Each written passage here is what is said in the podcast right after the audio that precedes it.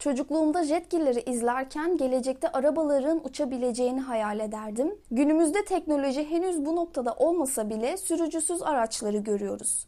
Biliyorsunuz ki Tesla markasının bazı sürücüsüz araçları var ve geçenlerde kaza yaptığına dair bir haber yayınlandı. Bu olay medyada büyük yankı uyandırdı. Bahsettiğim bu araç virajı alamadığı için kaza yapmıştı ve yetkililer aracın otopilotta olmadığına dair bir açıklama yapmasına rağmen kuşkular arttı.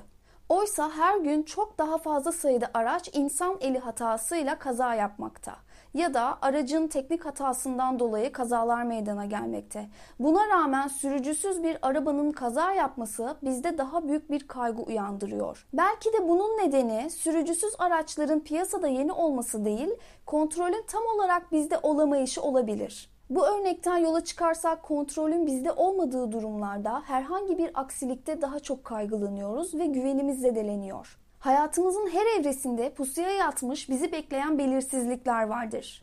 Bu belirsizlikler ister iyi haber olsun, örneğin iş mülakatında çok iyi geçmiş olsun ve iyi bir haber beklemiş olun veya kötü bir haber bekleyin, stres yaratacaktır. Bu belirsizliklere karşı kontrol edilebilir kısım olan bizim tutumumuz çok önemlidir. Yani çok basit bir şekilde iyimserlik ve karamsarlıktan bahsediyorum. Belirsizliklere karşı duruşumuz bizi fizyolojik ve psikolojik anlamda etkilemektedir. İyimserlik genellikle saflık veya polyanacılık olarak algılandığı için kötü bir durummuş gibi görülüyor. Çünkü hayatta kimse gafil avlanmak istemez. İyimser olmak kötümserlerin aksine aksiyon almayı, plan yapmayı ve harekete geçmeyi barındırıyor. İyimserler problem odaklı çözüm üretip bu durumla başa çıkarken kötümserler genellikle durumu kabullenip vazgeçiyor. İyimserler hakkında düşündüğümüz bir diğer tasvir ise bu insanların e, sabah uyandığında güneşi selamlamaları, dünyada bu kadar kötülük varken hiçbir şey dert edinmemeleri veya tuzu kuru kişiler olarak nitelendiriyoruz. Fakat tarihsel figürlere baktığımızda bu insanların hiç de öyle insanlar olmadığını görürüz. İyimser olma %25 olarak kalıtıma bağlı bir durum olduğu öngörülse de geliştirilebilir bir tutum olarak çalışılmaktadır. Umut faktörü de burada dikkat çekici bir unsurdur.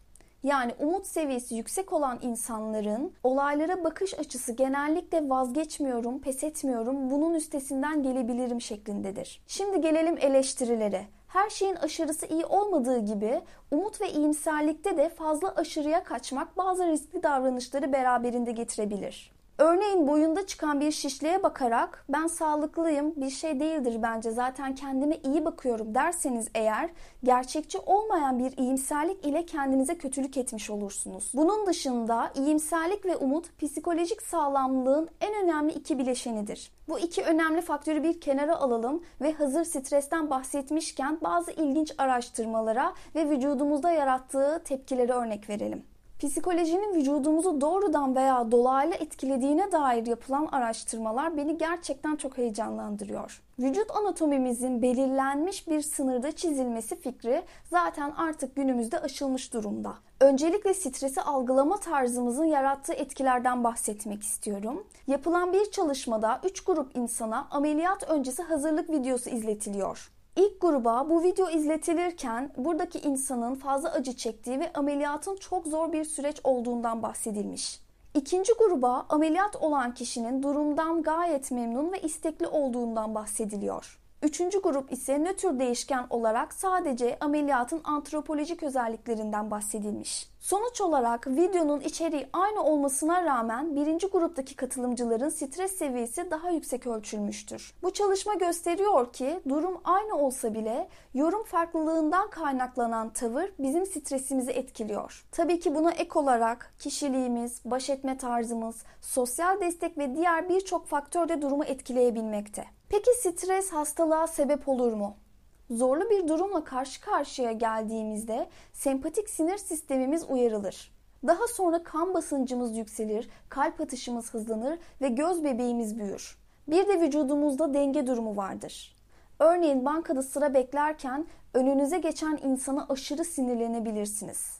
Fakat işiniz bittikten sonra muhtemelen öfkeniz birazcık dinecektir. Ama şöyle düşünsenize, eve gelmenize ve durumun üstünden saatler geçmesine rağmen aynı öfke yoğunluğu ile streslisiniz. Vücudumuzdaki sistemler eski denge durumuna dönmelidir değil mi? Stres seviyemiz ve vücudumuzdaki kortizol seviyesinin artması da eski seviyesine dönmelidir. Buna biz alostatik yük adını veriyoruz. İşte stresin hastalık yapma süreci tam olarak bu dengenin eski haline uzun bir süre boyunca dönememesinden kaynaklandığı öngörülüyor. Vücudumuz yoğun strese sürekli maruz kaldığında bir süre başta kolayca eski seviyesine dönse bile uzun süreli maruz kalmalar sonucunda kronikleşen stres kardiyovasküler sistemimizi etkiliyor. Yani kronikleşen stres kalbimize iyi gelmiyor. Bunun yanında böbreklerde ve bellekte bozucu etkinin yanında hipertansiyona da sebep olabilmektedir. Bir diğer çalışma bir grup insana basit soğuk algınlığı virüsü verilmiş ve bir sene boyunca bu insanlar izlenmiştir. Daha sonra yoğun stres yaşayan kişilerin soğuk algınlığını daha fazla geçirdiği gözlemlenmiş. Vücudumuza salgılanan kortizol seviyesinin eski haline dönme süresi uzarsa eğer bağışıklık sistemimiz etkileniyor. Biliyorsunuz ki bağışıklık sistemi vücudumuzdaki savaşçılardır.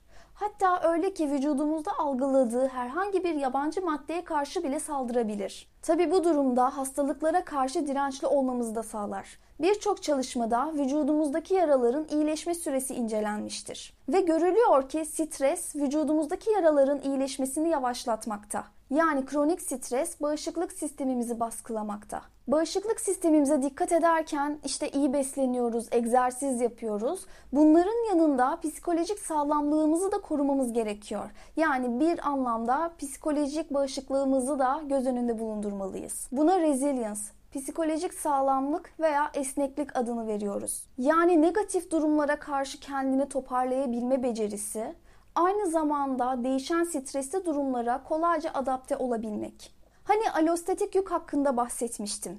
Yani stres yaşadığımızda vücudumuzdaki dengenin tekrar eski haline dönebilmesi. Tugate ve Fredrickson'ın yaptığı bir çalışmada psikolojik esnekliği yüksek olan insanların diğer insanlara göre stres seviyesinin daha hızlı bir biçimde eski seviyesine döndüğü gözlemlenmiştir. Ve bu durumu pozitif duyguları kullanarak yapıyorlar. Peki bunlar dışında psikolojik sağlamlığı yüksek olan insanların bizden farklı olarak sahip olduğu özellikler nelerdir? Bu insanların öz farkındalıkları gelişmiştir. Stresli bir durumda kendilerine bakıp ne hissettiklerini, ne düşündüklerini sorgularlar. Yeteneklerinin ve zayıf yanlarının ne olduğunu bilirler. Aynı zamanda gelecek için hedef belirlemede iyilerdir. Zihinsel olarak çeviklerdir. Yani zorlu bir durumda çeşitli bakış açılarıyla beraber farklı çözüm yolları bulurlar. İyimserlerdir. Bölümün başında belirttiğim üzere bu insanlar geleceğe daha olumlu bakar ve aynı zamanda zorlukları bir gelişim aracı olarak nitelerler. Öz yeterliliklerinin farkındadırlar. Yaptıkları işte usta olmayı bilirler. Yani bu durumda hangi işte daha başarılı olduğunu, güçlü özelliklerinin ne olduğunu iyi bilirler. En önemlisi de zor durumlarda bu güçlü özelliklerini kullanabilme becerisidir. Güçlü özelliklerimizi bilmek çok önemlidir. Çünkü kendimizi evimizdeymişiz gibi hissederiz ve zorlu durumlarla baş edebilmek daha kolay gelir. Açıklamalar kısmına güçlü özelliklerinizi test edebilmeniz için bir link bırakacağım. Bu test sonucunda ilk 5 madde çok önemlidir. Çünkü sizin baskın olan güçlü özelliğinizi veriyor. Benim baskın olan güçlü özelliklerimden ilk ikisi yaratıcılık ve öğrenme aşkı. Gerçekten de stresli bir durumla karşılaştığımda durumun nedenini öğrenme ve bilgisine erişme refleksi gösteriyorum. Aynı zamanda çok sıkıcı olan bir görevi daha yaratıcı bir biçime getirerek renklendiriyorum. Bu konuda çizgi romanlardaki süper güçlere sahip karakterler gibi hissediyorum. Buradaki karakterlerin her birine ait baskın özellikler vardır ve düşmanlarla bu baskın özelliklerini kullanarak savaşırlar. Psikolojik sağlamlığı yüksek olan insanların bir diğer özelliği doğa, maneviyat veya mücadele etmeye değer bulduğu bir fikir için bağlılık göstermeleridir. Aynı zamanda aile, topluluk veya iş yeri gibi alanlardan kendilerine olumlu değer katarlar. Mizah da aynı zamanda zorluklara karşı verebileceğimiz en iyi cevaplardandır. Şimdi odağımızı başka yere çekelim.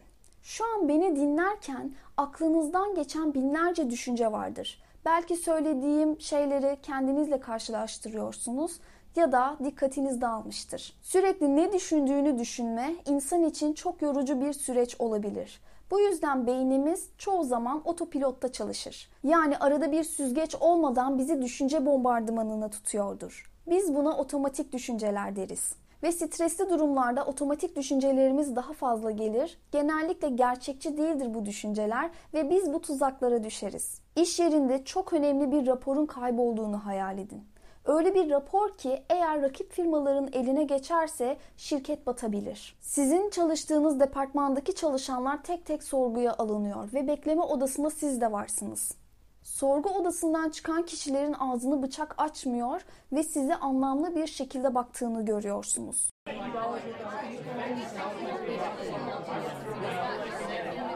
Ve bir türlü sizin adınız okunmuyor. İşte o zaman aklınızdan geçen bazı düşünceler şunlar olacaktır. Kesin benim yaptığımı düşünüyorlar. İş arkadaşlarım yüzünden başım derde girecek. Veya öğle arasında keşke ofiste yalnız oturmasaydım.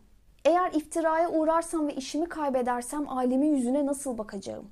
Bir daha hayatta iş bulamayacağım gibi düşünceler. Stresi vücudunuzun her yerinde hissediyorsunuz. Görünüşte raporun kaybolmasıyla ilgili herhangi bir alakanızın bulunmamasına rağmen sorguya alındığınızda bu ruh durumu ile kendinizi iyi ifade edemeyebilirsiniz. Aklımızda beliren bu otomatik düşüncelere karşı geliştirebileceğimiz 3 temel strateji vardır. Bunlar kanıt aramak, olayı yeniden çerçevelendirmek ve plan yapıp aksiyon almak. Şimdi bu maddeleri senaryoya uygun olarak biçimlendirelim. İlk olarak raporun kaybolması hakkında sizin ilginizin olup olmadığı konusunda gerçekçi kanıtlar bulmaya çalışın. Evet öğle arasında ofiste yalnız oturuyordum ama bu durum benim raporu çaldığım anlamına gelmez. Aynı zamanda arşiv dolabının anahtarı da bende değil. İkinci olarak durumu daha iyimser bir bakış açısı ile yeniden çerçevelendirin.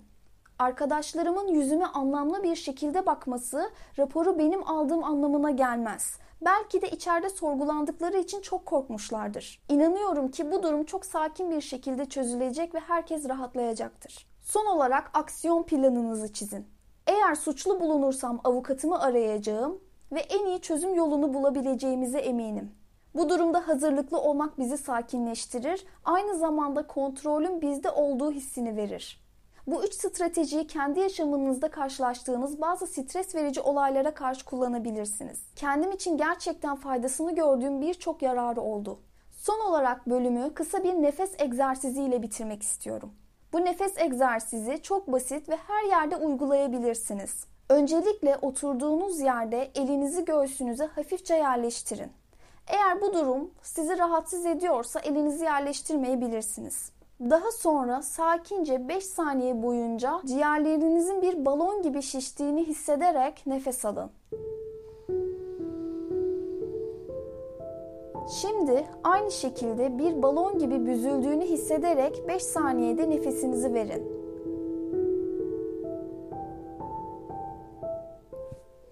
Bu nefes egzersizini 2 dakika boyunca yapabilirsiniz. Bu sayede sempatik sinir sisteminizin parasempatik seviyeye geçtiğini görürsünüz. Zamanla odaklanma beceriniz de gelişecektir. Şimdilik bölümü burada sonlandırıyorum. Son olarak söylemek istediğim hayatımızdaki zorlukları yok etmeye çalışmaktansa onların bizi dönüştürdüğü ve geliştirdiği bir bakış açısıyla görmek uygun olacaktır. Bize gelen güce karşı sert bir şekilde durduğumuzda bize çarptığı anda paramparça olabiliriz. Bunun yerine su gibi olmak, dalgalar ile uyumu yakalamak gerekiyor sanırım.